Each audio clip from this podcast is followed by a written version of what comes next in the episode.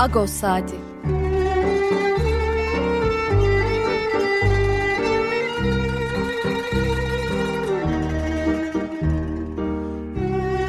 Haftalık Agos gazetesinin penceresinden Türkiye ve Dünya gündemi. Agos'un mutfağından haberler, söyleşiler, olaylar.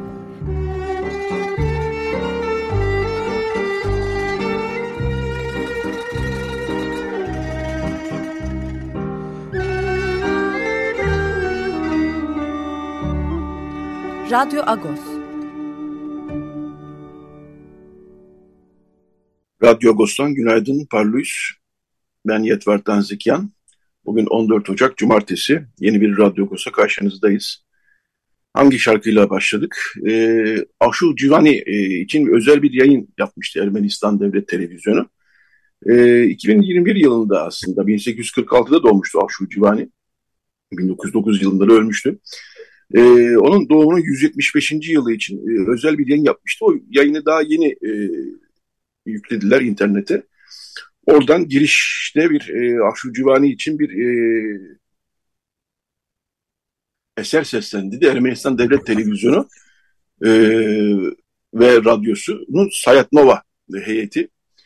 E, o e, orada o yayından bir bölümde başladık. E, hoş bir e, ezgi bu çünkü Aşur Civani'nin aslında bütün Aşurların belki de e, yerleşik olmadıklarını, bir gün orada bir gün burada olduklarını anlatan bir ezgiydi bu. Evet, e, bununla ilgili de konuşacağız biraz. E, bu hafta neler var e, Radyo Agos'ta? Birazdan Pakrates Dükkan'da haftalık olan sohbetimizi e, yapacağız. İkinci bölümde e, Dink ailesi avukatlarından Hülya Deveci konuğumuz olacak. E, 19 Ocak yaklaşıyor. E, Dink, Hrant Dink anma etkinlikleri e, başladı aslında. E, 19 Ocak'ta da e, vurulduğu gün yani aramızdan alındığı gün aynı yerde eski Agos bürosu önünde saat 3'te bir e, yine bir araya gelinecek. E, Hrant Dink anılacak. E, onu da söyleyelim buradan. İkinci bölümde de Hülya Deveci, e, din karlisi avukatlarından Hülya Deveci konumuz olacak ve e, davada nereye gelindi, hangi aşamadayız onları konuşacağız Hülya Deveci ile.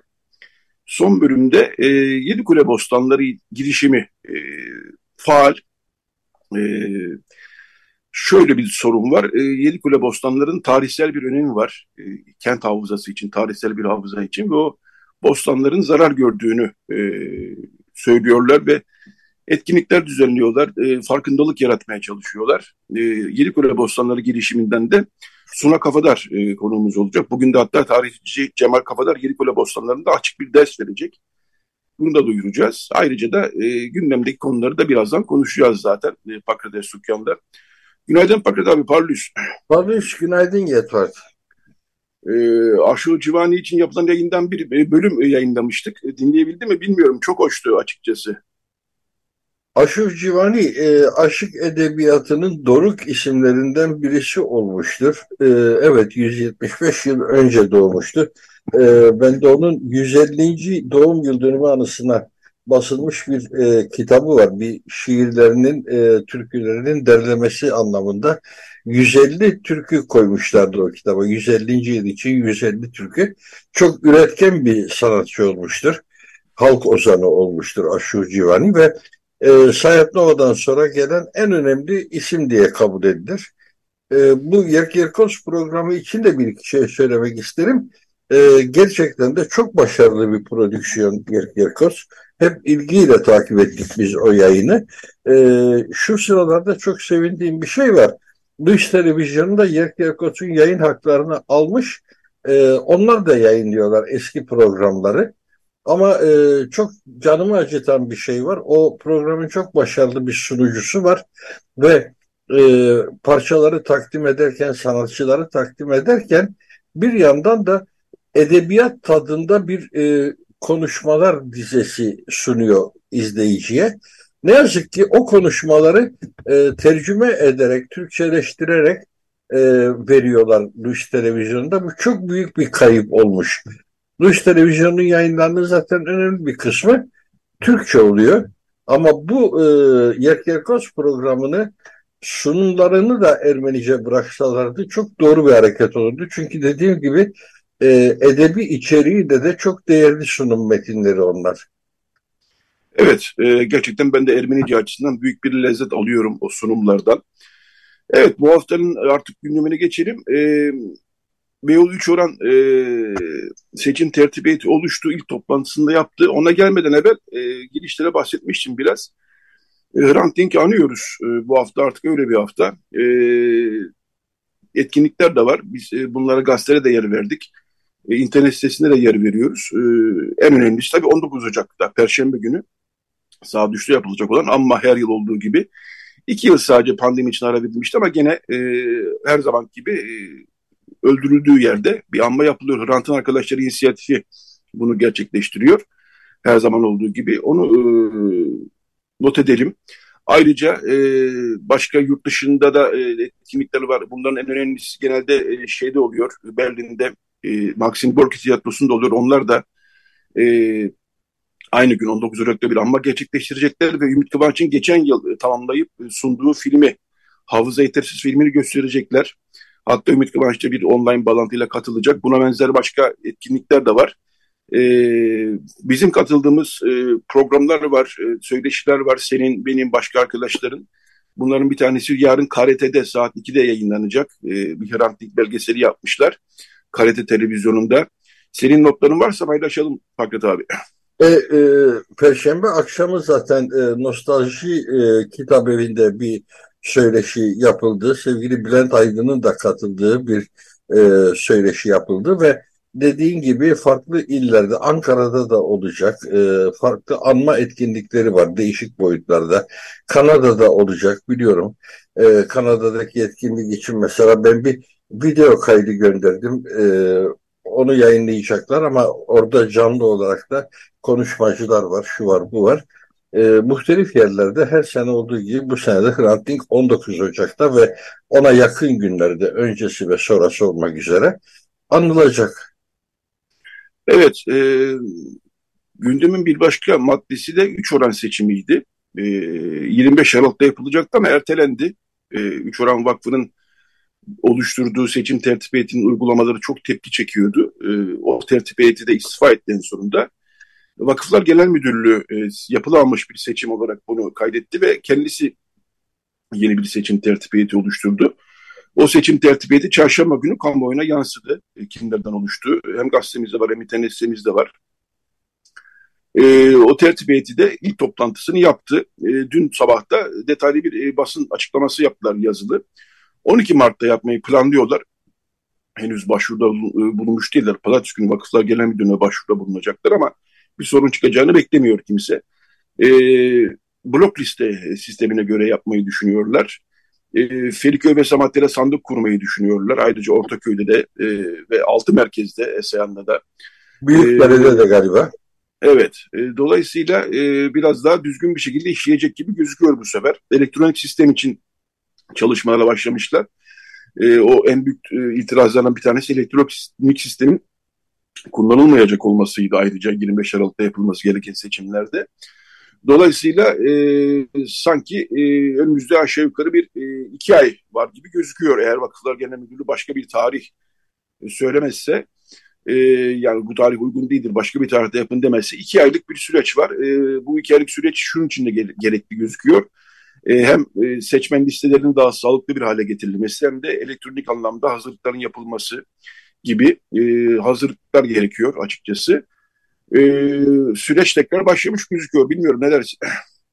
E, aslında e, bütün bu söylediklerinin daha önemli özeti e, fevkalade şaibeli duruma düşmüş olan e, yönetimin e, hareket alanı bu sefer kısıtlandı.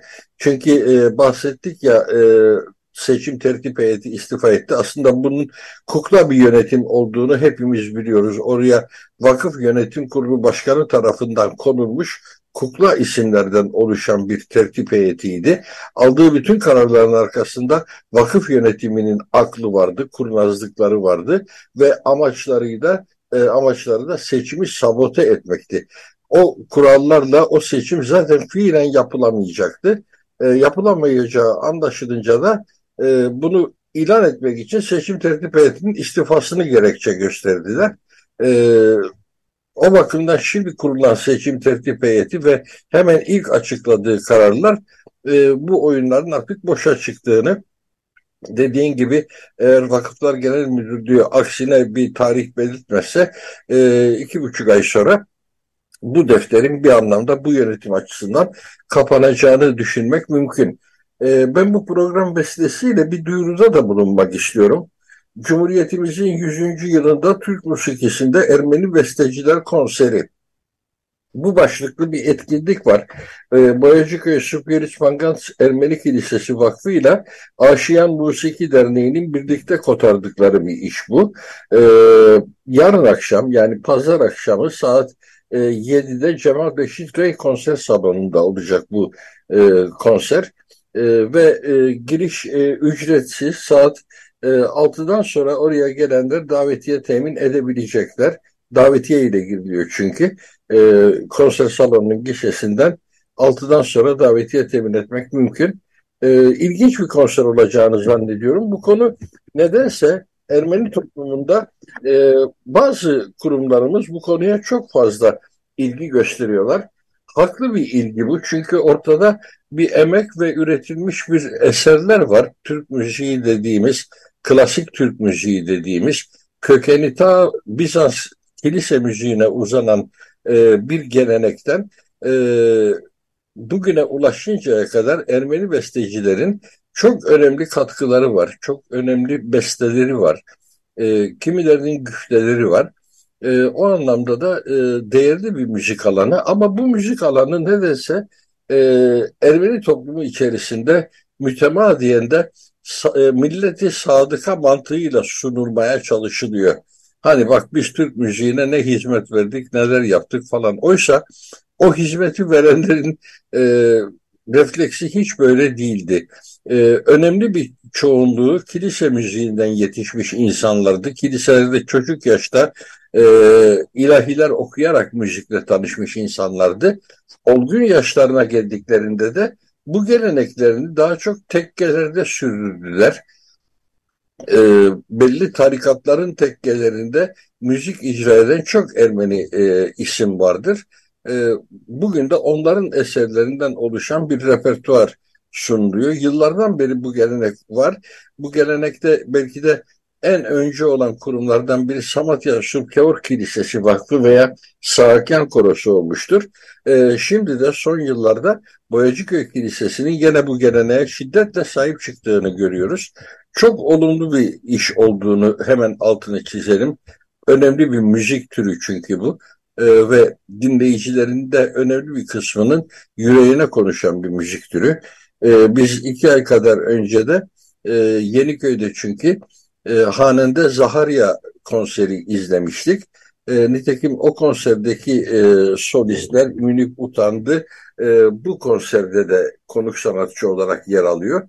E, tavsiye edeceğimiz bir etkinlik olarak bunu bir belirtmek istedim Yatrak. Evet, e, buradan da duyurusunu yapmış oldum. Ee, 3 oran e, seçimiyle ilgili gelişmeleri e, aktardık. Yine de e, tekrar bir sayalım. İlk, ilk toplantı yapmış, yaptı demiştik 12 Ocak'ta iki gün önce.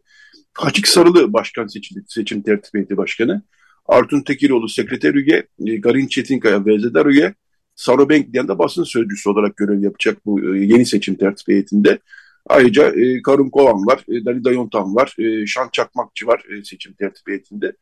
Dediğim gibi bunların yaptıkları e, basın açıklamasını internet sitemizde e, bulabilir e, arkadaşlarımız, okuyucularımız, dinleyicilerimiz. Bir gelişme de şu, bu haftanın gelişmelerinden bir tanesi. Laçin koridoru blokajı sürüyor. Ablukası diyelim daha doğrusu.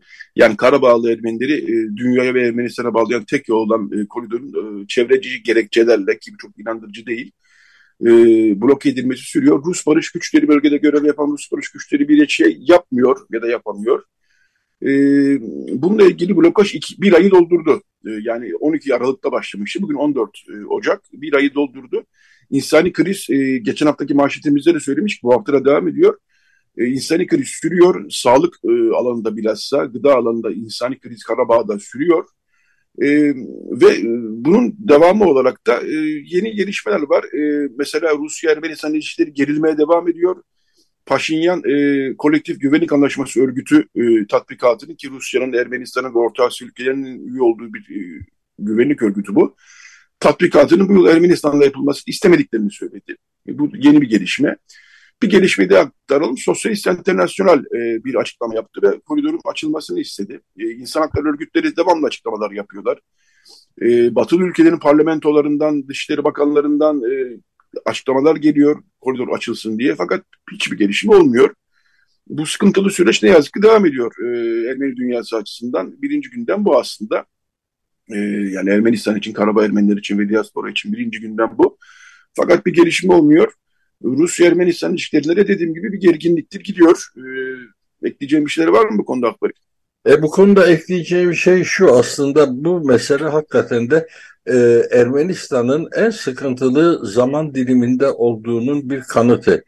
E, biraz önce bahsettiğim gibi bu mesele sözüm ona çevreci bir hareket olarak e, sunuldu ama bu kelimenin tam anlamıyla sözüm ona e, sözde bir e, gerekçe, sözde bir tablo. Çünkü işin aslında şu anda koridoru kapatanlar askerler ve hatta hatta bölgeden gelen e, duyumlara göre sadece askerler de değil, e, ülkücü milislerden bahsediliyor.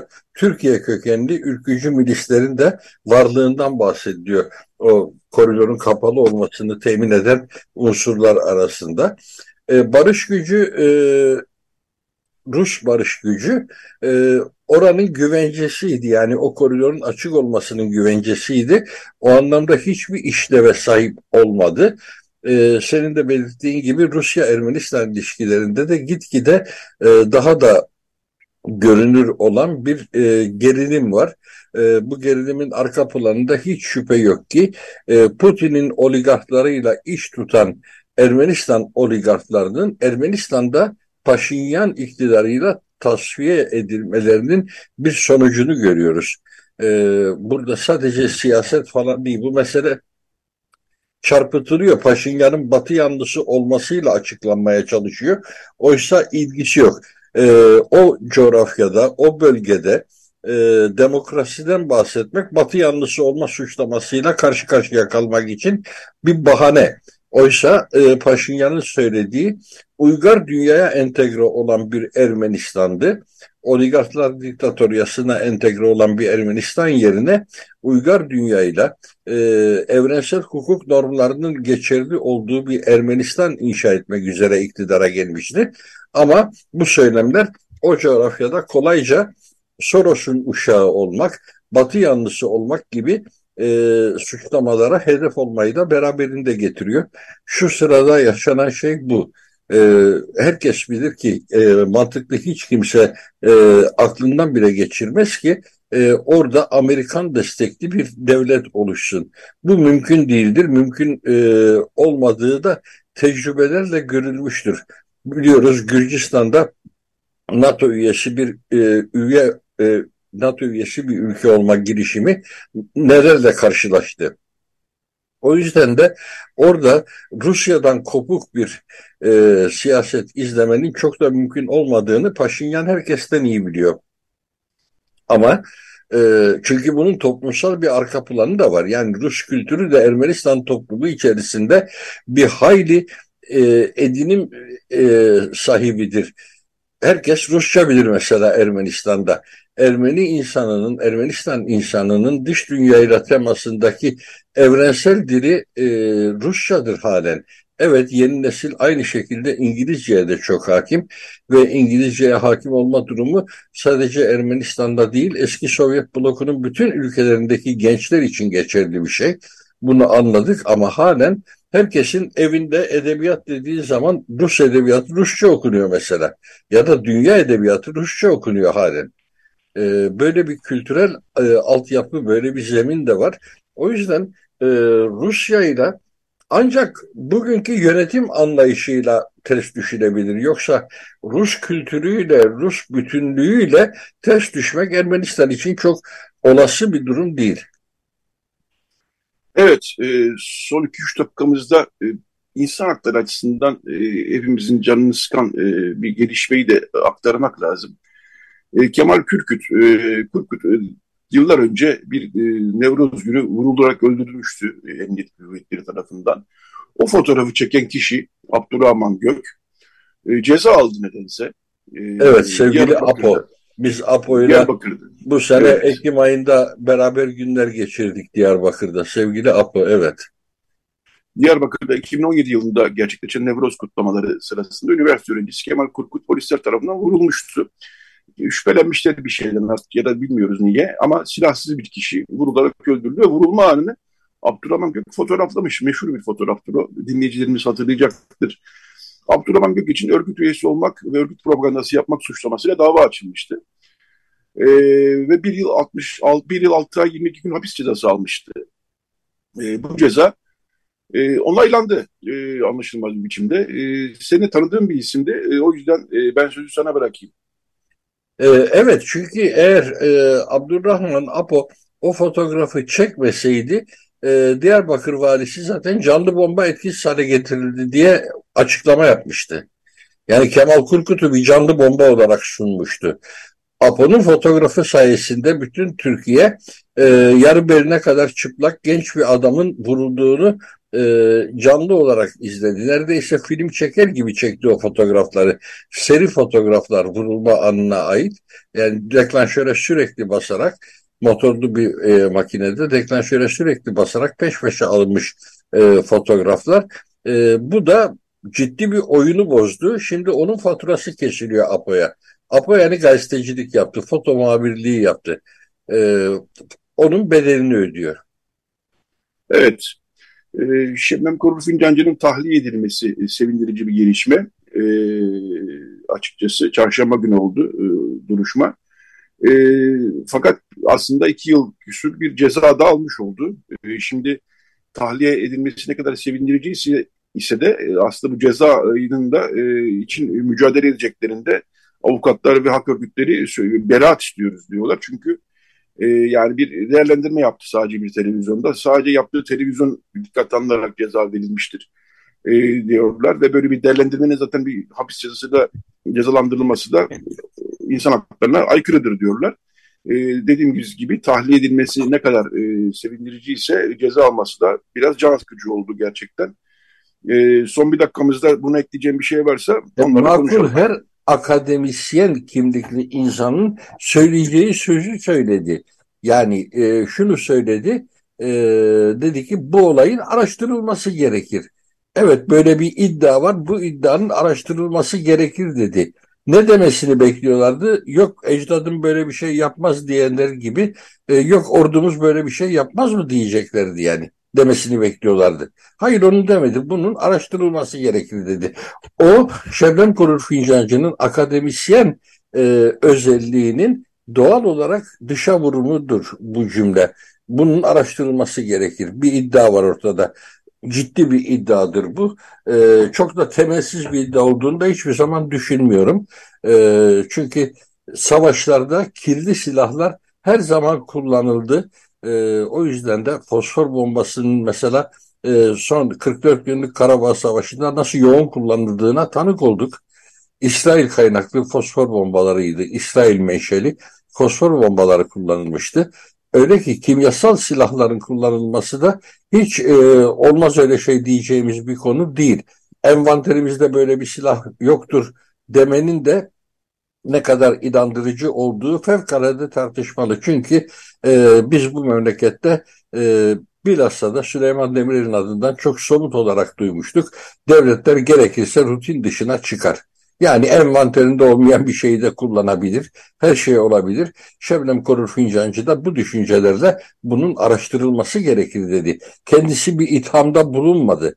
Öyle olduğu halde büyük bir tahammülsüzlük ama bu madem son bir dakikanın içindeysek e, Eren Keskin'e de Olof Palme ödülü verilmesini de e, anmak gerekiyor.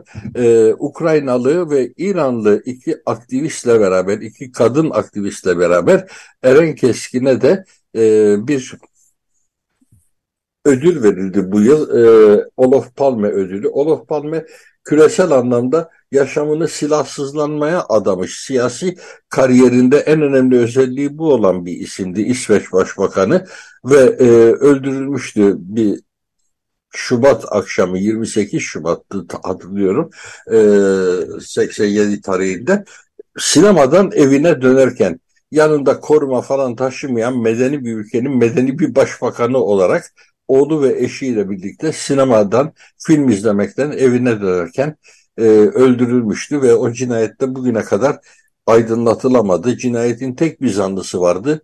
İsveçli bir adamdı bu zanlı. O da öldü e, ve dosyada faili meçhul olarak ne yazık ki e, kapanmak zorunda kalmıştı. Onu da anımsamak istedim. Evet, Eren Keskin'in bu ödülü almasının altını çizmek istedim. Onu da kutluyoruz Eren Keskin'de bu evet, Eren ödülden ötürü. Eren Keskin'de kutlayalım buradan. Çok teşekkürler Pakrat abi. E, e, Pakrat Esukyan her hafta olduğu gibi bu hafta da e, Türkiye'nin ve Ermeni toplumunun gündemini konuştuk. Çok teşekkürler Akbarik. Rica ederim. Rica ederim.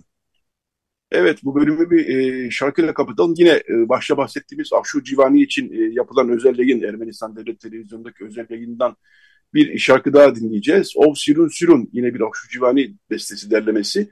Lucine Kasparyan söyleyecek bu sefer. Evet e, Ov Sirun Sirun dinliyoruz. Daha sonra bir reklam arası daha sonra Radyo Agos devam edecek. Radyo Agos. Evet Radyo Agos devam ediyor. Ne dinledik? Grup Kınar'dan Makruican 2015'e çıkan albümleri. Anadolu'dan Kafkaslara Ermeni müziği, kalan müzikten çıkan bir albümleri. Grup Kınar, Hrant Dink'in de çok e, sevdiği bir gruptu. Ermeni ezgilerini e, tekrar e, bize ulaştıran e, bir grup. E, yıllardır da müzik yapıyorlar. İyi ki de yapıyorlar. Grup Kınar'dan dinledik. Evet bu bölümde e, Dink cinayeti davasını biraz konuşacağız. 19 Ocak yaklaşırken bir hafızaları taze ederiz. Hem gazetede hem e, Radyo Agos'ta bilindiği gibi. E, anmalar yapılacak ama e, davada da nereye gelindiğini bir konuşmakta fayda var her zaman için. E, Dink ailesi avukatlarından Hülya Debeci bu bölümde konuğumuz. E, günaydın Hülya Debeci. Günaydın, merhabalar Yetvart. Merhabalar. Ben bir e, kısacık bir özet geçeyim. E, davada evet. nereye geldiğimiz konusunda. E, kamu görevlilerinin yargılandığı e, Dink cinayeti davasında yani tetikçilerin yargılandığı dava sonuçlanmıştı. Fakat kamu görevlilerinin yargılandığı davaya 2014 2015 yıllarında başlanabildi ancak 9 sene sonra cinayetten neredeyse e, ve orada e, kamu görevlerinin yargılanması Çağlayan Adliyesi'nde sürdü yıllarca. Takip ettik hep beraber ve 26 Mart 2021'de e, genel mahkeme kararını açıkladı. E, bazı isimlere ceza verirken bazı isimlere de e, zaman aşımı, e, beraat gibi kararlar verildi ve e, din ailesi avukatları da bu kararı hemen itiraz ettiler e, soruşturmanın yürütülme şekline itiraz ettiler, kararın bozulmasını talep ettiler. Şöyle söyleyeyim, e, Celalettin Cerrah, Din Ailesi avukatları, Celalettin Cerrah, Ahmet İlhan Güler, Reşat Altay, Engin Dinç, Ercan Demir, Muhittin Zenit, Sabri Uzun, Metin Yıldız gibi haklarında beraat kararı verilen sanı, bazı sanıkların TCK 81 ya da 83. madde gereğince cezalandırılmasını talep ettiler. 83. madde kasten öldürmenin ihmali davranış işlenmesi ni içeriyor. 81. madde ise kasten öldürme suçunu düzenliyor. E, Dink ailesi avukatları yani siz ayrıca Hrant Dink'in öldürülmesine giden süreçte yaşananlar hakkında etkili bir soruşturma yapılmadığını, cinayet öncesindeki linç sürecinin örgütleyenler hakkında kavuşturmasızlık kararı verildiğini vurgulamıştınız ve e, somut olarak şöyle demiştiniz dilekçenizde, somut olarak cinayetin kim veya kimler tarafından ve hangi süreçlerden geçilerek karara bağlandığı aşağı çıkarılmamıştır e, diyerek e, itiraz etmiştiniz ve istinafa gitmişti bu sizin bu itirazınız. İstinaf Mahkemesi 2022 e, yılında geçen yıl 5 e, Mayıs'ta reddetti. Bunun üzerine de Yargıtay'a e, sunulmak üzere İstanbul Bölge Adliyesi e, Mahkemesi'ne 130 sayfalık bir dilekçe vermiştiniz. Hı sonuçta e, karara itiraz edilmiş durumda e, ve itiraz da Yargıtay'da onu baştan söyleyelim. E, ben burada biraz özetlemeye çalıştım e, açıkçası ama e, ben e, gerek Dink ailesinin gerek Dink ailesi avukatlarının e, neleri dikkate alarak e, yerel mahkemenin kararını e, itiraz ettiğini, neden bozulmasını talep ettiğinizi bir kere de sizden duyalım e, istedim ve e, biz Yargıtay'da diyoruz ama bir gelişme varsa da sizden duymak istiyoruz. Hala Yargıtay'da bekliyorum hı hı. yoksa başka bir gelişme var mı gibisinden diyorum ve e, sözü Hülya Deveci'ye bırakayım ben. Hülya sana bırakayım. Ee, ya süreci ee, genel olarak çok güzel özetledin. Hala Yargıtay'da dosya. Oraya dair bir gelişme yok zaten. Yargıtay'ın e, önüne gitmesi Haziran ayı dersek işte ortalama 6 aydır Yargıtay'ın önünde. Hani e, kapsamlı bir dosya olması anlamında ne zaman karar çıkar tabii ki onu öngöremiyoruz. E, Yargıtay'a giden her dosyada da öngöremediğimiz gibi. Biz hangi başlıklarda itiraz ettik? E, aslında sen e, özet olarak belirttin. Biz baştan beri e, 2016 yılının başında e, başladı bu dava. 2015 sonunda düzenlenen iddianame ve iki yıl sonra 2017'de düzenlenen iddianame ile 85 sanık hakkında bir yargılama başladı ve ağırlığı da kamu görevlilerin e, oluşturuyordu ağırlığını. Bu yargılamada baştan beri e, savcılığın eksik soruşturma yürüttüğünü, eksik soruşturma sonucunda e, bir iddianame hazırladığını sürekli her duruşma, dava, dilekçe ve taleplerimizde dile getirdik zaten. E, bu eksik soruşturmalara rağmen e, elbette savcılık birçok kamu görevlisini sanık olarak mahkemede yargılanmasına önüne açtı. Fakat eksik süreçler çok fazlaydı. E, savcılık ısrarla soruşturma aşamasında az önce özetle belirttiğin e, cinayetin kim veya kimler tarafından ve hangi süreçlerden geçirilerek karara bağlandığı noktasında e, bir soruşturma yürütmedi. E, bunlar arasında özellikle e, Hrant Dink'e yönelik linç sürecini örgütleyen kişilerden olan Veli Küçük, Kemal Kerensiz ve Oktay Yıldırım hakkında etkili bir soruşturma yürütmedi ve devamında bir kovuşturmaya yer olmadığı kararı verdi. Yine e, bu cinayette sorumluluğu olan birçok devlet görevlisi hakkında da kovuşturmaya yer olmadığı kararı verdi. E, İstanbul e, valilik görevlileri, e, Trabzon ve İstanbul MİT Bölge Başkanlığı görevlilerini de soruşturmadı. Malum Hrant Dink'le valilikte yapılan e, bir görüşme vardı Genelkurmay Başkanlığı'nın talebi ile ve e, MİT tarafından organize edilen valiliğinde aracılık ettiği bir görüşmeydi.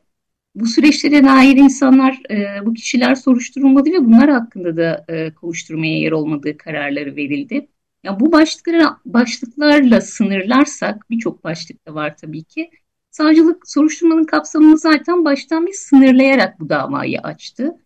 Her ne olursa olsun açılan davada ise yargılama sırasında e, hani herkesin bildiği üzere çok fazla mahkeme hakimi ve heyet değişikliği oldu.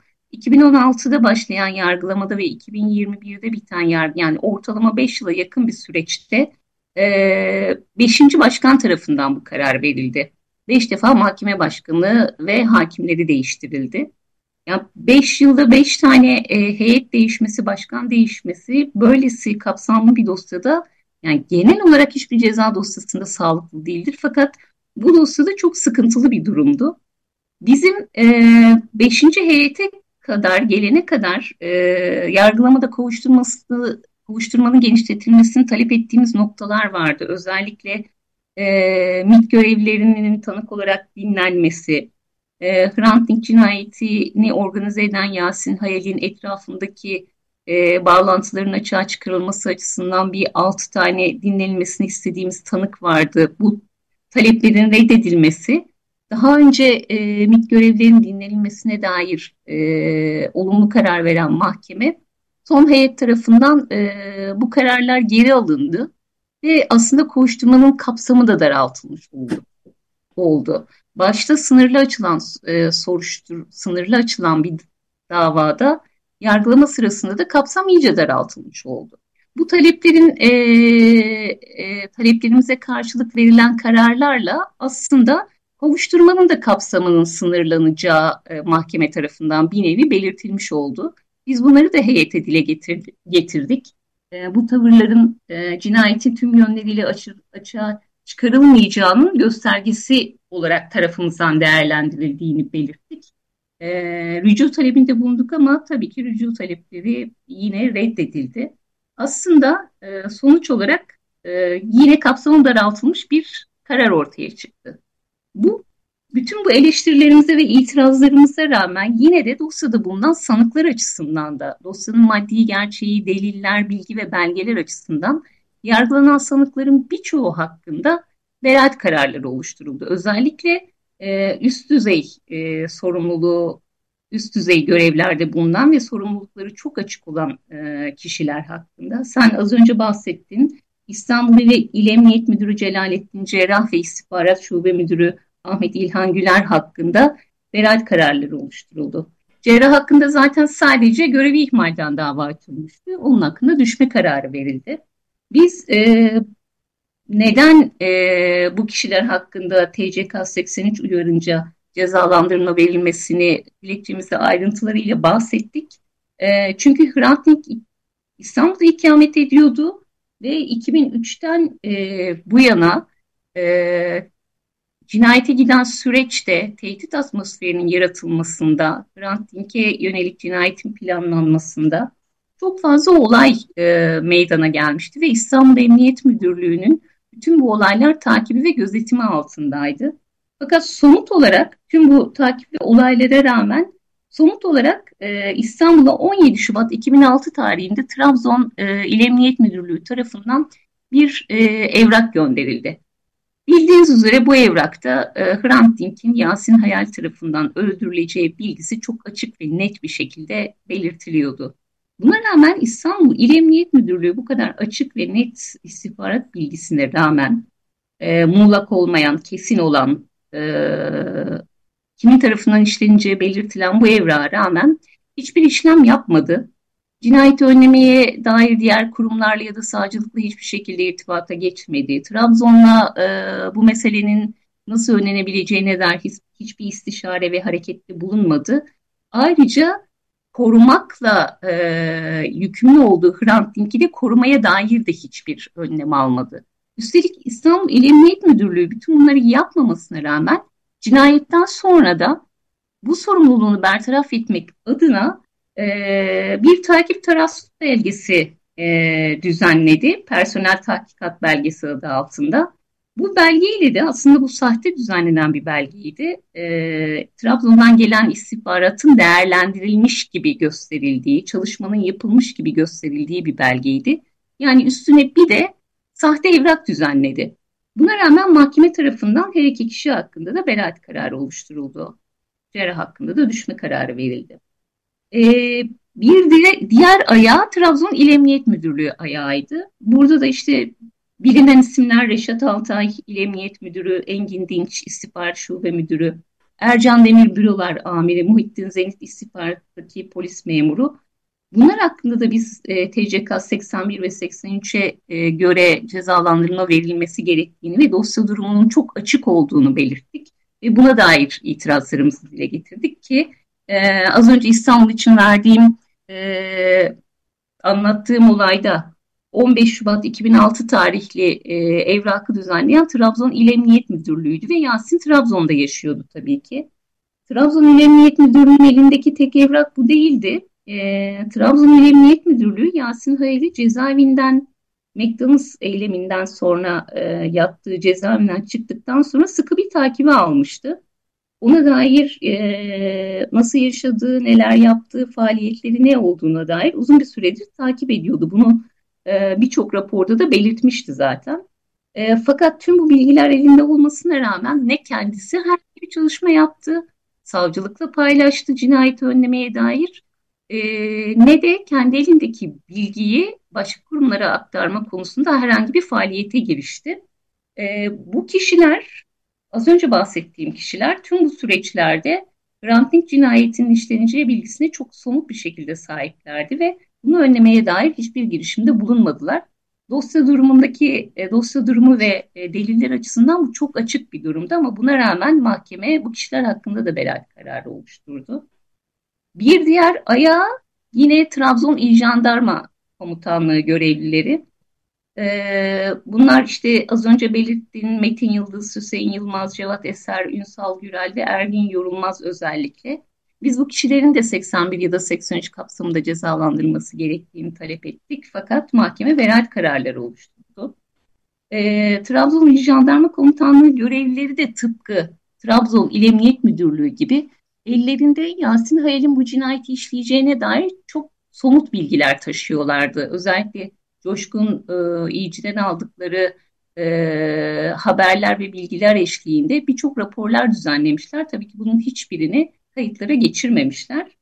Ee, yani İstanbul İl Emniyet Müdürlüğü'nün elinde olan bilgilerin haricinde de bilgiler var Trabzon İl Emniyet Müdürlüğü'nde. Fakat buna rağmen onlar da hiçbir e, hareket faaliyette bulunmamışlar ve e, savcılık ya da diğer birimlerle ilişkiye geçme ya da diğer birimlere haber verme konusunda e, bir girişimde bulunmamışlar. Buna rağmen dosyada birçok belge ve bilgi var. E, tanıklar, sanıkların kendi beyanları, birbirleri hakkında verdikleri beyanlar. Buna rağmen bu sanıklar hakkında da beraat kararı oluşturulmuş. Özellikle Metin Yıldız, e, isim, Trabzon İl Jandarma Komutanlığı İstihbarat Şube Müdürü. Trabzon İl Jandarma Komutanı Ali Öz hakkında mahkeme bir cezalandırma kararı oluşturmasına rağmen Metin Yıldız hakkındaki e, beraat kararı tam bir çelişki teşkil ediyor. Çünkü Ali Öz'e Hrant Dink'in öldürüleceği bilgisini aşağıdan alıp e, veren kişi zaten Metin Yıldız. Ve kendisinin bu cinayeti önlemeye dair direkt bizatihi bir sorumluluğu var. Fakat buna rağmen Metin Yıldız hakkında da beraat kararı oluşturuluyor. Biz e, bu, bunun dışında bir de e, 2006, 22 Mart 2006'ya kadar istihbarat Emniyet Genel Müdürlüğü İstihbarat Daire Başkanı olarak görev yapan Sabri Uzun'un da e, cezalandırılmasını 83 uyarınca cezalandırılması gerektiğini belirttik. Ama Sabri Uzun hak, hakkında da bir beraat kararı oluşturuldu. Yani özetle şöyle tamamlayabilirim. Evet. E, Birçok birim kendi ellerinde fazlasıyla bilgi ve belge olmasına rağmen hepsi bu cinayet hakkında e, ve nasıl işleneceği hakkında çok somut bilgilere sahip olmalarına rağmen bu bilgileri kendilerinde tutmuşlar. Bu bilgileri diğer birimlerle paylaşıp e, organize bir şekilde bu cinayeti önlemeye çalışmamışlar. E, birbirlerine haber de vermemişler. İstanbul'a ve İstihbarat Daire Başkanlığı'na giden Şubat 2006 tarihli evrakın dışında birbirlerini bundan resmi olarak da haberdar etmemişler ve e, özellikle İstanbul e, üstüne bir de cinayetin işleneceğini bilmesine rağmen Hrant Dink'i koruma konusunda da herhangi bir girişimde bulunmamıştır. Ya biz kabaca bu başlıklar altında e, bir temiz dilekçesi verdik. Çok kapsamlı, çok ayrıntılı ama böyle özetleyebilirim sanırım. Evet, çok iyi özetlediniz e, Hülya Deveci. E, ben şöyle bir e, şey yapayım, e, toparlama gibi bir şey yapayım. Yani sen gayet güzel özetledin gerçi ama e, devletin neredeyse e, konuyla ilgili bütün birimleri Hrant Dink'e yönelik bir eylem yapılacağını biliyorlar Şubat 2006'dan itibaren. Daha öncesi de var ama resmi yazında ortaya çıkması itibariyle bunu söylüyorum. Çünkü Şubat 2006'da cinayetten 11 ay kadar önce Trabzon Emniyeti istihbaratta İstanbul Emniyeti istihbarattan yazı gönderiyor. Yasin Ayar bir ekibi böyle böyle bir eylem planlıyor e, diyerekten. Bu yazı ortaya çıkmasına rağmen ne Trabzon Emniyeti, ne Trabzon Jandarması, ne İstanbul Emniyeti, ne e, bu kağıt bir de İstihbarat Daire Başkanlığı'na da gidiyor. Evet. Ne İstihbarat Daire Başkanlığı bu konuda hiçbir şey yapmıyorlar. E, yetmezmiş gibi e, yıllar cinayetten daha önce e, Ranting'i valiliğe çağırıp e, üstü kapalı bir şekilde tehdit eden neredeyse diyelim Haddin bildirildi diyor çünkü Hrant Dink o görüşmeyle ilgili olarak. Haddin bildirilmek istendi diye diyor Hrant Dink o görüşmeyle ilgili. E, valide görüşen e, MİT görevlileri de dinlenmiyor. E, tanıklıklarına belki de yargılanmaları gerekir bilmiyoruz. E, dinlenmiyor. Mahkeme bunu e, önce dinleme kararı alıyor daha sonra bu karardan vazgeçiyor. Dolayısıyla gayet eksik bir soruşturma ve bunlar kadar en önemlisi, önemlisi olan önemli olan şey de şu. Hrant Dink bir günde öldürülmedi. Ee, onu 2004'ten e, sonra 2007'ye kadar 3 yıl boyunca hedef hedef haline getiren çevreler vardı. Duruşmalarına gidenler, onu tehdit edenler, duruşmalarda ona fiziki saldırıda bulunanlar. Hrant Dink'in hedef haline getirilme süreci vardı. Yani e, ki Hrant Dink e, öldürmeden önceki iki yazısında bunu kapsamlı bir şekilde yazmıştı zaten. Güvercin tedirginliği başlıklı yazıyı gayet iyi biliriz.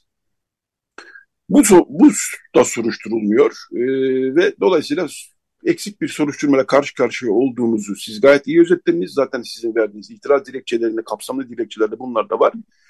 Dolayısıyla e, verilen karar e, ne din ailesini, ne adalet talebelenleri, ne de din ailesi avukatlarına, ne de biz Agos gazetesini tatmin etmiş değil. Tatmin etmenin çok çok uzağında. E, ve itiraz dilekçesi de Yargıtay'da bekliyor. E, itiraz başvurusu Yargıtay'da bekliyor. E, böylece toparlayabiliriz sanıyorum, özetleyebiliriz bütün bu gelişmeleri. E, bu bölüm için son bir dakika e, Hülya Deveci. E, ekleyecek bir şeyin varsa eğer e, onu da ekleyelim. Daha sonra bu bölümün sonuna geliyoruz Zira. E, ya Yargıtay'ın kararı ne şekilde olduğunu tabii ki bilmiyoruz ve bilemeyeceğiz de ama karar e, olduğu hal biz bozulması gerektiğini düşünüyoruz bu arada birçok noktada. Eğer olduğu gibi e, onanırsa da devamındaki Anayasa Mahkemesi orada da e, reddedilmesi halinde ahim sürecine de devam edeceğiz. Buna ekleyeyim. Evet, e, yargılama bu alem, bu aşamada ama din ailesi avukatları, adalet talep edenler, Hrant'ın arkadaşları e, devam edecekler. E, gerçeği bulmaya, adalet aramaya devam edecekler. Hrant'ın arkadaşlarının e, bir sloganı var. Hep bütün duruşmalarda söylüyorlar. Biz bitti demeden bu dava bitmez diyorlar. Gerçekten de e, kamuoyunu tatmin eden, adalet talep edenleri ta tatmin eden, Hrant'ın niçin öldürüldüğünü ortaya çıkaran bir yargılama talebi hepimizin e, sık sık e, dile getirdiği bir talep ve bunu dile getirmeye devam edeceğiz. E, çok teşekkürler Hülya Deveci, Din Kardeşi avukatlarından Hülya Deveci konuğumuzdu. E, bize e, kırmadı, katıldı ve e, yargı sürecinde gelinen son aşamayı bize özetledi. Çok teşekkürler Hülya Deveci. E, teşekkürler teşekkür yine katıldığınız için. İyi günler, teşekkürler. İyi günler. Kolay gelsin sana. Ve de. Evet, e, bu bölümü de e, bir şarkıyla kapadım. Daha sonra Radyo Agos reklamdan sonra devam edecek. Bu bölümü de Ermenistan'dan bir rock grubu Nemra. E, daha önce de çaldık Nemra'nın şarkılarını e, Radyo Agos'ta. E, bu kez başka bir şarkısını çalacağız. Patsir aç kırıt, gözlerini aç e, diyor Nemra bu şarkısında. E, daha çok sosyal içerikli şarkılarla biliniyor Nemra. Bu da öyle bir şarkı aslında. Evet Nemra'yı dinleyelim. Daha sonra bir reklam arası, daha sonra Radyo Agos devam edecek. Radyo Agos. Evet, Radyo Agos devam ediyor. Radyo Agos'un son bölümüne geldik. Ee, artık bu Radyo Agos'un son bölümünde e, biraz İstanbul'un e, kent havzasını e, konuşacağız. Tarihsel havzasını konuşacağız. E, Yedikule Bostanları e, koruma girişimi e, uzun süredir e, faaliyet gösteriyor. E, isimlerinden anlaşılacağı üzere e, tarihi Sur e, bölgesinin e, aslında yaşı yetenleri bilecektir. Orada eskiden e, ben hatırlıyorum. E, hala var aslında ama biraz tehdit altında artık. E, o sur boyunca bostanlar vardı. Her hele Yedikule bostanları daha geniş, daha e, verimli bostanlardı. O bostanların ürünleri İstanbul'da satılırdı. İstanbul'un bütün semtlerinde satılırdı. E, ya da oraya gidip kendiniz alabilirdiniz. E, bostanlar hakikaten İstanbul'un simgelerinden bir tanesiydi. Sadece e, Sur çevresinde Vedik Kule'de değil, Langa bostanları da meşhurdur mesela. E, Çengelköy gibi e, Boğaz hattında da bostanları vardı ama e, Sur bostanları gerçekten ayrı bir özelliğe sahipti. E, Yedikule bostanları koruma girişimi bir süredir o e, havzayı, o bölgeyi e, korumak için faaliyetler gösteriyorlar ve faaliyetlerini hızlandırdılar biraz bu son dönemde. E, çünkü bir e, bildiğim kadarıyla, şimdi birazdan öğreneceğiz detaylı biçimde, Orada bir e, proje yürütülüyor, restorasyon projesi yürütülüyor. Fakat bu proje bostanlara da e, zarar verecek gibi gözüküyor.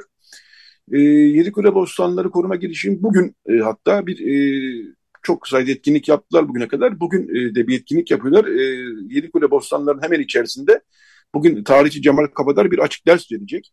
Bunu da birazdan konuşacağız. Evet, Yedikule Bostanları Koruma Girişiminden e, Suna Kafadar konuğumuz. E, günaydın Suna Hanım, hoş geldiniz yayınımıza. Günaydın, merhabalar, hoş bulduk. Merhabalar. Şöyle ben kısa bir giriş yapmaya çalıştım e, konuya hakim olduğum kadarıyla ama e, asıl tabii siz e, takip ediyorsunuz, uğraşıyorsunuz. Şöyle başlayalım. E, Yedikule Bostanları e, ile ilgili sorun nedir? Sizi daha doğrusu böyle bir e, inisiyatif kurmaya, girişim kurmaya ve çaba göstermeye sevk eden gelişmeler e, nelerdi diyeyim ve sözü size bırakayım. Teşekkür ediyorum.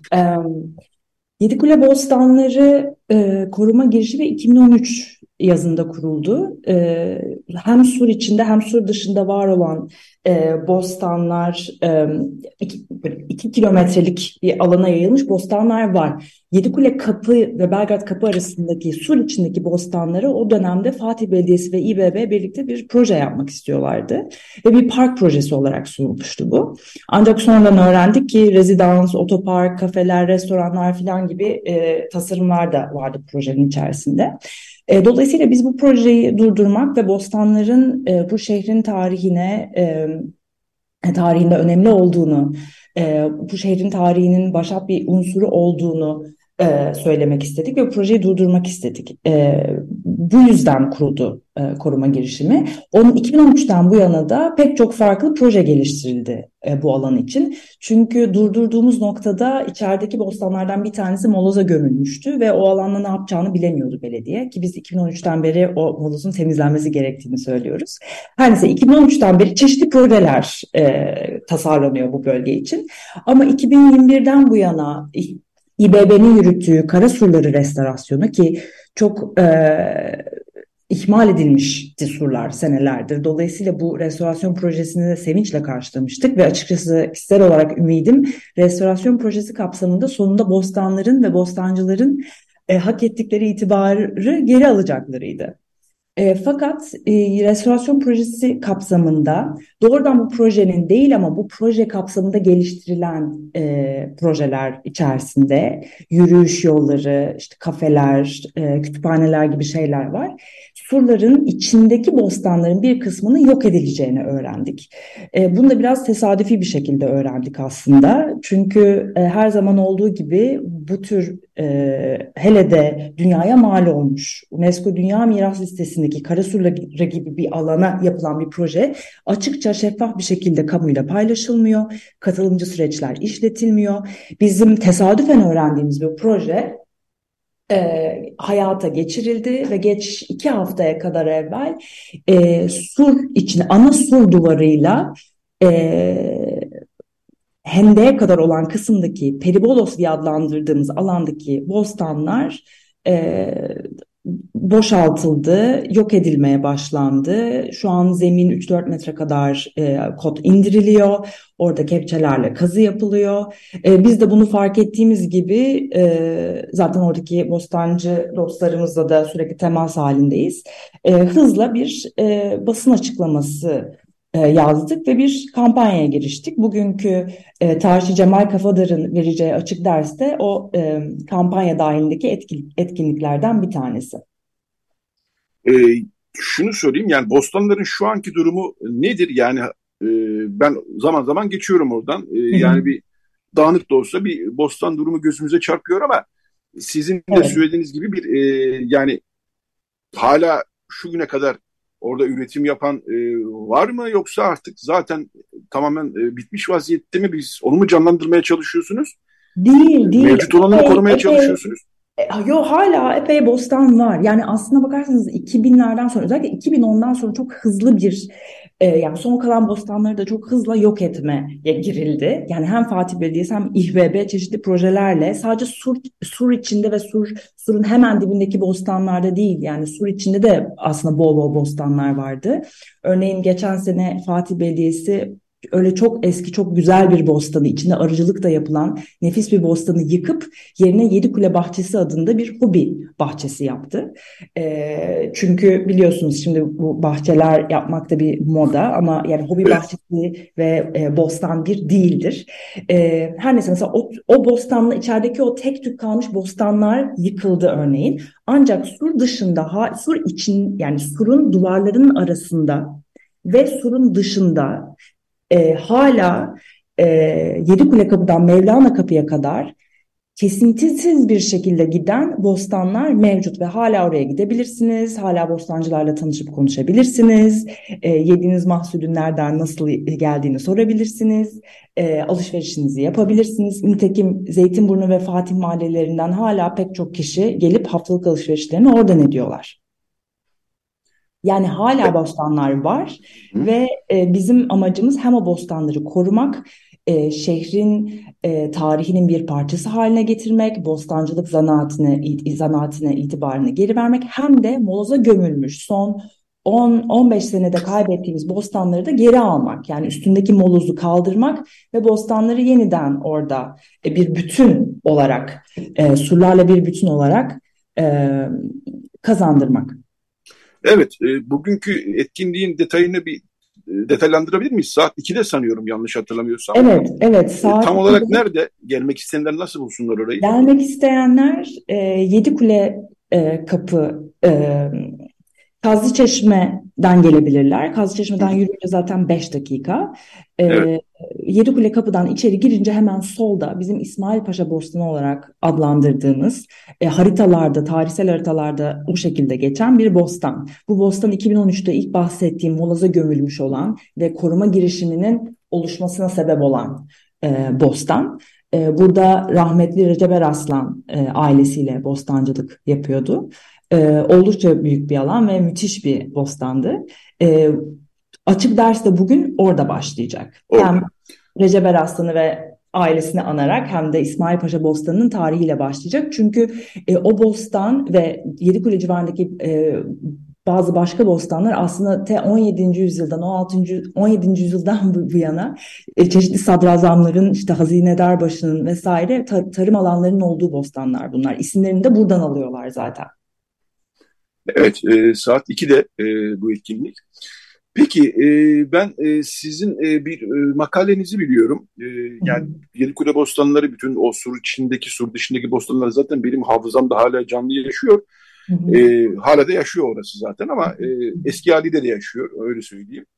Yani bizim e, İstanbullular bilir eskiden sokaklarda atlı arabalarla zarzavatçılar e, geçerdi ve o evet. ürünlerin çoğu da bostanlardan gelirdi. Evet. E, ve o arabalardan ürün almak da bir e, ayrı bir güzellikti. Çünkü çok doğal ve güzel ürünlerdi onlar gerçekten. Ve taptaze ee, hemen. Evet, evet. Yepyeni çıkmıştı Ee, siz e, bu e, bir makaleniz var. Orada bizim için önemli bir kitap o. E, Takuyut olmaz senin sofranız şen olsun e, kitabından bahsediyorsunuz. Evet e, aslında Ahmet Hamdi Tanpınar'ın huzurundan da bahsediyorsunuz o makalenizde. Orada da bahsediliyor bu bostanlardan ama e, Takuyut Olmazyan'ın da kitabındaki yeri bambaşka Yedikule Bostu. Çünkü onlar Yedikuleliler. Çor'dan evet. Yedikule gelmiş. Ben e, Yetvart abiyi de tanıyorum. Takuyut Olmazyan'ı tanıyorum. Evet. Aileyi tamamen tanıyorum işin gerçeği. E, Takuyut Olmazyan'ın kitabına Yedikule Bostanları'na ayrı bir yer e, veriyor tabii ve altını çiziyor. Oradan gelen marullar e, mesela ben bu çerçevede size şunu sormak isterim. Tamam e, yani bostanları var. E, kentin kimliği açısından bu önemli bir şey. E, ama sadece e, kalmıyor aslında bu bostanlar. E, o bölgedeki e, Ermeni, Rum, Yahudi toplulukların e, ve diğer bütün toplulukların hafızasında da aslında e, yer edinmiş bir e, bölgeden bahsediyoruz. Evet. Bu çerçeve oturttuğumuzda da aslında söylenecek bir şeyler var galiba. Ne dersiniz? Söylenecek çok şey var. Saatlerce konuşabiliriz. Evet. ee, yani bugünkü zaten aslında bugünkü açık dersin, e, Cemal Kafadar'ın dersi işleme biçimi tam olarak böyle olacak. Yani kültür hafızası, kültür tarihi, kentin hafızasına buralardan girerek, e, gezerek e, bunları konuşacağız. Yani aslında bizim e, şehri İstanbul'u düşünmemizde, kendi yaşamlarımızı düşünmemizde tarihselleştirmediğimiz, kat kat sildiğimiz pek çok şey var. İşte ilk bahsettiğim mesela şey işte toprağın tarihini silmiş olmamız, biyoçeşitliliğini silmiş olmamız, oradaki bitkileri, hayvanları silmiş ve bostancıları silmiş olmamız. Bunun yanında e, Rum bostancıları, e, oradaki Ermeni aileleri mesela Takviye Hanım'ın ailesi, orada dedesinin gazinosu var. Bostancı değil ama bostanların yanında e, faaliyet gösteren bir e, gazino.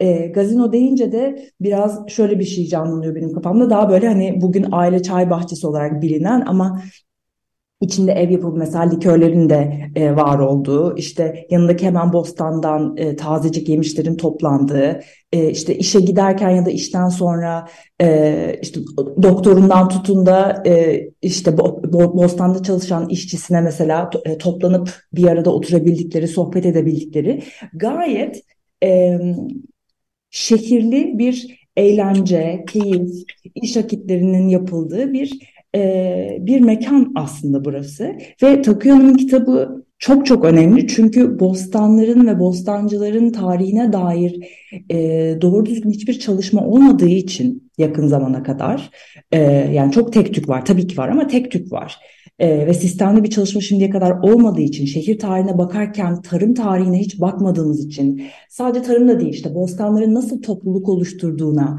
o toplulukların e, bostanlarla beraber e, kendilerini nasıl anlamlandırdıklarına, nasıl semboller devşirdiklerine falan baktığınızda o kadar müthiş bir zenginlik var ki burada. Ve Takuyi Hanım'ın kitabı bu anlamda hakikaten e, çok özel bir kitap.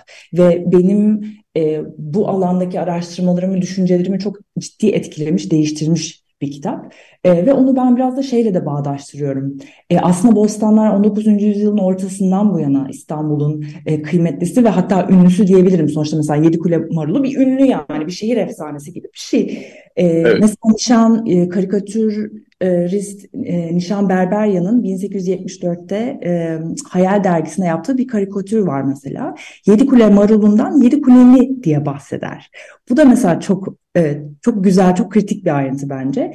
Ve bir marulu, bir mahallenin, bir şehrin yemişlerini bir, bir komşu gibi görmek, e, öyle bir eşitlik üzerinden bakmak e, ve o kültürün bir şekilde Takuya Olmazsa'nın kitabında kendi dünya, dinlediği hikayelerle, sohbetlerle bize aktarılabilmesi çok büyük bir şans.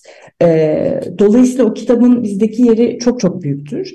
Ee, ve kent hafızası dediğimizde ya da İstanbul'un tarihi dediğimizde hasır altı edilmiş, e, üstü çizilmiş, inkar edilmiş ya da bir şekilde sessizleştirilmiş türlü şiddetlerin de e, bir şekilde ortaya konmasını sağlayan, o sessizliği kıran e, ve şehir içindeki ilişkilerimizi çok farklı şekilde, e, taze bir şekilde görmemizi sağlayan bir kitap. Dolayısıyla Bence önümüzdeki senelerde kent hafızasını düşünürken bostanları, şehrin bitkilerini e, içine katarken Takuya Tomasya'nın Sofranız Şen Olsun kitabı e, pek çok kişiye örnek ve rehber olacak diye düşünüyorum. Evet, ben de öyle düşünüyorum açıkçası. Burada bir kitabı daha zikretmek isterim ben. Osman Cemal Kaygılı'nın Köşe Bucak İstanbul kitabı da evet. bütün İstanbul semtlerine teker teker e, çok hoş bir dille anlatan bir kitaptır. Orada da o Gelir Kule'nin, Kazı Çeşme'nin, o gazinoların dönemi çok güzel anlatılır. Onu da ben evet. buradan zikretmiş olayım. Şunu da söyleyeyim, e, yani tabii Yedi Kule Bostanları koruma girişimi adı üstünde Yedi Kule Bostanları ile ilgili ama e, gördüğüm kadarıyla aslında sadece Yedi Kule değil İstanbul'un kent hafızası konusunda da epeyce bir e, çalışıyorsunuz, uğraşıyorsunuz. Evet, evet. Bunun evet. dışında e, başka çalışmalar, ya daha doğrusu bu, daha bunun gibi dikkat edilmesi gereken somut e, vakalar e, da radarınıza giriyor mu? E, yoksa sadece kendiniz Yedik Kule ve Bostanlarla mı sınırlamış durumdasınız? Onu da sorayım ben size. E, yok giriyor tabii elbette giriyor. E, ona bir iki örnek vermeden evvel ama şunu da söylemek isterim. E, zamanımız kısıtlı olduğu için tabii e, atladım ve atlamak istemiyorum. Yani surların Anladım tarihiyle bütünleşik bir tarih bostanların tarihi. Ve surlar dediğimizde de pek çok mahalleye uğruyoruz. İşte yani Surkule meselesine değinmemek mümkün mü mesela Yedikule? Evet. Mümkün değil. Ee, işte Mevlana Kapı'daki mesela ziyaretçi merkezine döşenmiş rulo çimler. Orası rulo çimlerin döşendiği yer mesela bostan değildi. Fakat surun duvarların arasına rulo çim döşenmesi, oraya saksıda zeytin ağaçlarının konması mesela gayet de bizim konumuz. Yani biz sadece hani bostan odaklı değil, ta tarihçiliği nasıl yapıyoruz, kendi tarihimizi, kendi sembollerimizi ne nasıl koruyoruz, hangilerine önem veriyoruz, hangilerini siliyoruz. Bunlar bizim konularımız. Ama şu an özellikle vurgulamak istediğim başka bir mesele Piyale Paşa Bostanı. Evet. Ee, o da şu an tehdit altında. E, o da ilginç bir şekilde yine böyle bir e, bizim e, yeşil mutenalaştırma dediğimiz e, projelerden birine e, kurban edilmek isteniyor belediye tarafından. Oradaki bostan da yıkılıp bir şekilde başka türlü bir işte halk bahçesi e, yapılmak istendiği söyleniyor. Biz hala tam olarak projeyi görmüş değiliz. Dediğim gibi projeler açıkça zaten görüşülmüyor, konuşulmuyor. Oradaki Bostancı aileye ne olacağına dair hiçbir e, şey yok ortada, hiçbir planlama, düzenleme vesaire yok ve şu anda Piyale, Paşa Bostanı'na da daha bu hafta şey gelmiş geldi. E, buradan çıkacaksınız, biz burayı e, kendi projemiz kapsamında e, yeniden düzenleyeceğiz. Şimdi burada yaşayan tarihi bir bostan var. Piyale Paşa Camii'nin bostanı. E, buradaki evet. Yaşatmak için, camiyle birlikte yaşatmak için, mahalleye ve İstanbul'u kazandırmak için e, çok farklı projeler düşünülebilir, uygulanabilir ve burada çalışan Piyale Paşa e, dayanışması ve buradaki Bostancı aile ve cami de e, dahil edilerek beraber masaya oturulup konuşulabilir mesela. Ancak maalesef süreçler bu şekilde işlemiyor. Ve şimdi de biz şu anda aslında Yedikule'nin üstüne bir de Piyale Paşa aciliyetiyle karşı karşıyayız. Ve Piyale Paşa ve Yedikule'yi aslında bir arada düşünmek e, çok... E, E, kolay çünkü e, yani kolay derken çünkü ikisi de e, tarihe dair, kent hafızasına dair e, önemli e, bir takım e, prensiplerin altını çiziyorlar. E, o da e, yeşilin, toprağın, suyun, şehrin tarihinin başat unsurları olduğu, e, mahalleleriyle ve şehir şehirlileriyle her zaman iç içe e, e ilişkiler geliştirdikleri ve bizim bu ilişkileri görmezden gelmememiz gerektiği. Çünkü zaten biliyorsunuz iklim krizi, e, gıda krizi, pandemiyle beraber iyice ortaya çıkan e, türlü temel sorunlarımız var ve bu sorunlara dair de çok güzel çözüm önerileri üretilebilir burada. E, evet. E, yakında da yani Piyale Paşa ile ilgili gelişmeler duyabilirsiniz. Duyabiliriz. İstanbul bir dereler kenti aslında. Evet. E, Dereler demek aslında derelerin getirdiği aslında o verimli e, topraklar demek. Yani o bostanların bir kısmını aslında bu derelerin getirdikleri topraklarla ve orada oluşan bir e, ekim alanıyla düşünebiliriz. Hı hı, dereleri mahvettik. E, evet. Yani bu son 10-15 yılın hikayesi değil. Yani son 50-60 yılın hikayesi. Evet. Dereleri mahvettik. Artık dere kalmadı neredeyse İstanbul'da. Hı hı. Şimdi o derelerle beraber var olan e, bir anlamda bostanları da ne yazık ki e, yok etmek üzereyiz. Evet, maalesef. Ee, yani tabii sırf derelerle ilgili değil, başka yerlerde de bostanlar var. Piyale Paşa mesela ama genelde bunlar derelerin yanlarında olur. mesela ben anne tarafından Langalıyım, Langa bostanlarını iyi bilirim. E, o da aslında oradaki e, o şimdiki Vatan Caddesi'nin altından geçen derenin getirdiği topraklarla oluşmuş bir bostandan evet. bahsediyoruz. Bayrampaşa'dan gelen. Dolayısıyla kent havzası önemli bir şey. Nerede yaşadığımız, e, kentle kurduğumuz ilişki, o ilişkinin ürettiği hafıza, kimlik, birliktelik, e, küçük çaplı da olsa üretim, e, hı hı. ticaret bunların hepsi aslında kent hafızasını birlikte oluşturan şeyler. Kesinlikle. Ne yazık ki biz eskiyi hemen atıp e, atmayı ve onun yerine işte, işte başka projeler koymayı çok seviyoruz. Evet. E, umalım ki e, gayretleriniz başarılı olur ve o bostanları hiç olmazsa kururuz. Valdeba benim oturduğum yere yakın. E, orada da bir çaba var. Hı hı. Ee, evet, orada bir evet, mahkeme evet. kararı elde edildi. O Valdeba evet, olması. çok çok güzel bir gelişme. Bize çok ümit verdi. Evet, olumlu bir gelişme yaşandı ama e, her saniye neredeyse şey altındayız, tetikteyiz yani. Şimdi burayı mahvedecekler, şimdi burayı mahvedecekler. Evet, bir türlü rahatlayamıyoruz değil mi? Evet. E, dolayısıyla kolaylıklar diliyorum ben size. E, Yedikule Bostanları Koruma Girişiminden e, Suna Kafadar konuğumuzdu. Hem bugünkü etkinliğinden bahsettik hem de Yedikule Bostanları'nı ve İstanbul'un kent havzasını konuştuk.